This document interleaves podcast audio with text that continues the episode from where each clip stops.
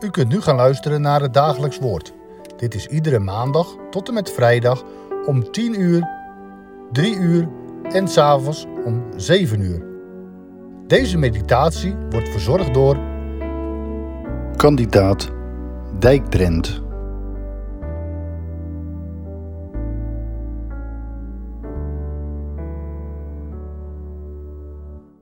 Geliefde broeders en zusters, we lezen met elkaar verder uit het Heilige Evangelie naar de beschrijving van Lucas, hoofdstuk 1, vers 18 tot 20.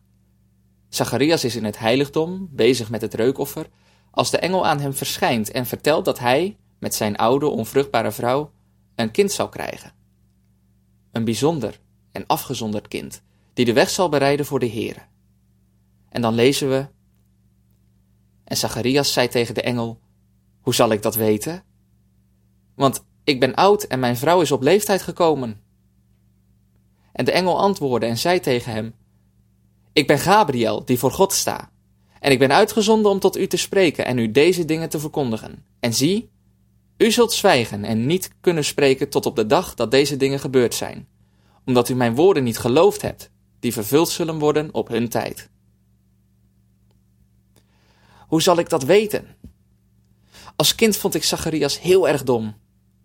Als de zondagschoolmeesters het verhaal van Zacharias in de tempel vertelden, kon ik het niet begrijpen dat Zacharias deze vraag aan de engel stelde. Er staat toch een engel voor je? Het is ook wel vreemd. Zacharias zal wel moeten hebben geweten van de geschiedenis van zijn volk. Hij is immers priester in de tempel. De geschiedenis van Abraham en Sarah moet hem bekend zijn. Twee oude mensen die van God de belofte krijgen dat ze nog een kind zouden krijgen.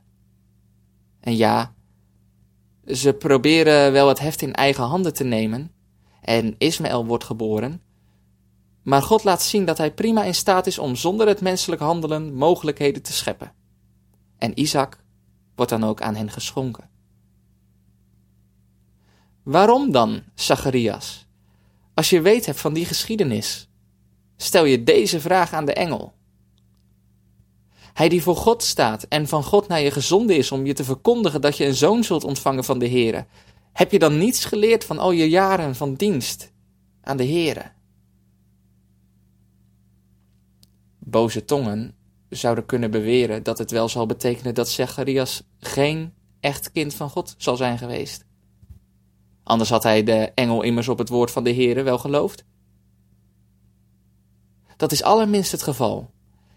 Eerder had Lucas al vermeld dat Zacharias en zijn vrouw rechtvaardig voor God waren en onberispelijk wandelden volgens alle geboden en verordeningen van de Heere. Daaruit mogen we concluderen dat Zacharias en Elisabeth de omgang met de Heere kenden en beoefenden. En toch, als de engel hem een blijde boodschap brengt, is er bij Zacharias twijfel en ongeloof.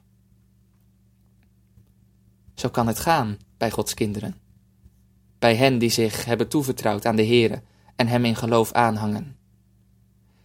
Het is echt niet zo dat zij alles wat de Heere hen verkondigt voor zoete koek slikken en hem meteen op zijn woord geloven. Twijfel en ongeloof is nog steeds in het hart aanwezig en strijd wordt dikwijls geleverd. Klopt het wel echt? Zou het echt zo zijn? Ik hoor het vaak om me heen dat mensen zeggen: Ik zou wel willen dat God direct tot me zou spreken. Dan zou ik geloven. Er wordt wat vaak gevraagd om een briefje uit de hemel. Onder mensen binnen en buiten de kerk, onder jong en oud, van wat voor rang of stand ook. Ook onder mensen waarvan velen zouden zeggen: Maar dat is nu een kind van God. De twijfels of het ongeloof gaan dan meestal niet om een boodschap die een kind belooft, zoals hier bij Zacharias. Hoewel. Nee, nee, het gaat om net iets anders. Niet een kind, maar het kind. Jezus. Zou het waar zijn? Is deze Jezus de Messias, de Verlosser van Israël, de overwinnaar van de dood? Is hij ook mijn heiland? Is hij ook mij beloofd en geschonken? Is dat ook uw vraag? Misschien niet op dit moment.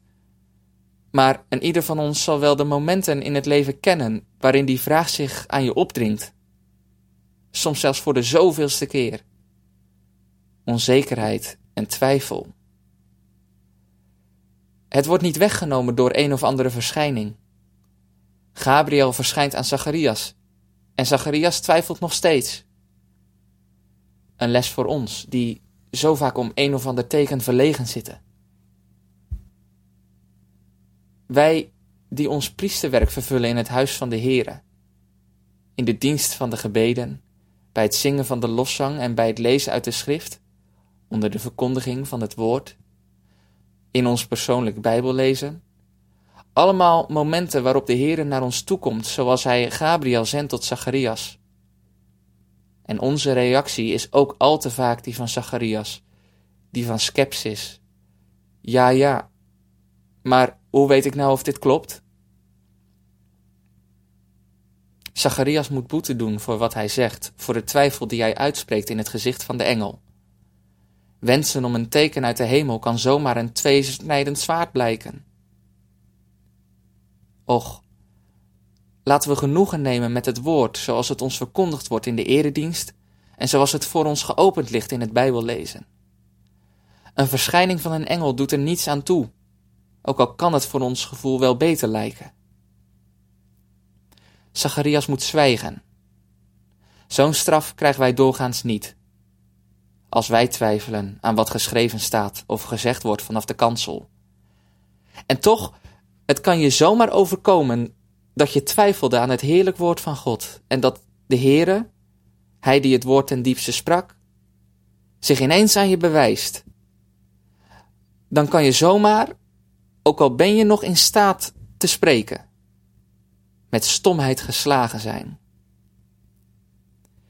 Is dat ook niet wat het besef bewerkt, het besef van de diepe kern van het Adventsevangelie, zoals Zacharias het later verwoorden zal als de Heer zijn tong weer losmaakt? En ik citeer het dan uit de berijming die wij gewend zijn te zingen. Dat hij zegt dat de Heere met ons lot bewogen om ons van zonde en ongeval te ontslaan, een ster in Jacob op doet gaan en de zon van het heil doet aan de kimmen staan.